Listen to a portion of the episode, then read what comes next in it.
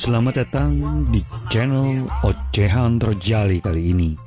Kita akan berbicara dengan banyak hal. Hal-hal keseharian, pekerjaan, kebencian, kemarahan, cinta, semuanya diobok-obok di sini. Yo, selamat bergabung semua.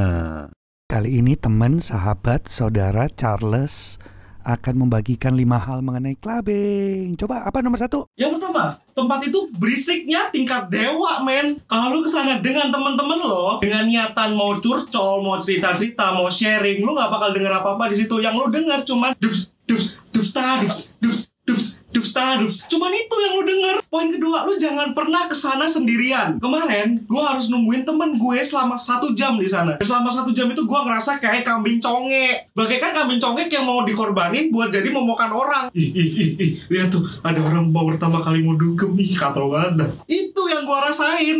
Dan gue bingung karena gue posisinya tuh lagi nungguin orang. Dan ada perseteruan di dalam hati gue. Di antara gue harus ikutan joget bareng mereka. Atau gue harus stay cool. Dan tetap dimomokin orang gitu. Akhirnya gue memutuskan untuk ikut joget. Dan secara gue jarang dugem. Gue joget kayak... Gua kayak orang kesetrum di end. Setelah temen gue datang dan kita joget selama 15 menit. Lu tahu nggak dia bilang apa? Hey bro, tempatnya nggak fun nih. Keluar yuk cari tempat lain.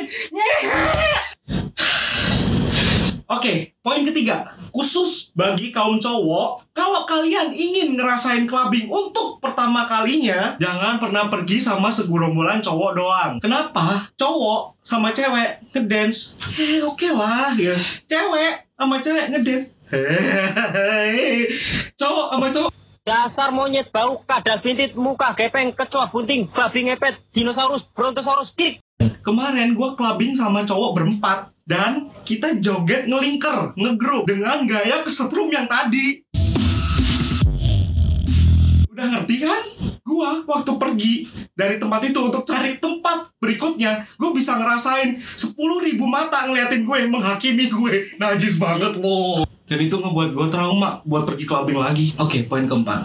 Bagi kalian yang pergi clubbing dan berharap bisa ngegebet cewek, mimpi aja terus. Karena yang namanya clubbing di Jakarta semuanya tuh ngegroup bro ngegroup mereka tuh ngegroup udah kayak sarang tawon yang kalau lu deketin dikit lu senggol dikit mereka langsung menghakimi lu dengan tatapan mereka yang kayak lu tuh penjahat kelamin yang udah nidurin seribu cewek padahal lu dapet satu cewek aja belum. Kalaupun lu bisa dapet gue yakin lu dapetnya tuh cabe-cabean. Rasanya sih enak tapi pedes di dompet. Kampret. Karena tempat dugem itu gelap lu nggak akan bisa ngenilai bibit bebet bobot secara jelas. Kalaupun lu dapet senggolan dari kiri dan kanan balik ke poin yang tadi mereka bakal ngeliat lu dengan tatapan pelecehan gua muak banget dengan tatapan kayak gitu padahal bukan gua yang nyenggol. Oke yang terakhir poin kelima Dugem itu buat orang-orang yang dompetnya tebel dan daya sosialitanya tinggi. Bagi lo yang penasaran kenapa dompet harus tebel, begini. Ketika lo masuk ke tempat dugem, lo akan diperiksa sama security. Jadi yang namanya makanan sama minuman, lo nggak akan bisa bawa sendiri. Nggak kayak di taman safari. Kalau lo mau makan atau mau minum, lo harus beli di bar. Dan yang sudah pasti harganya nggak akan wajar.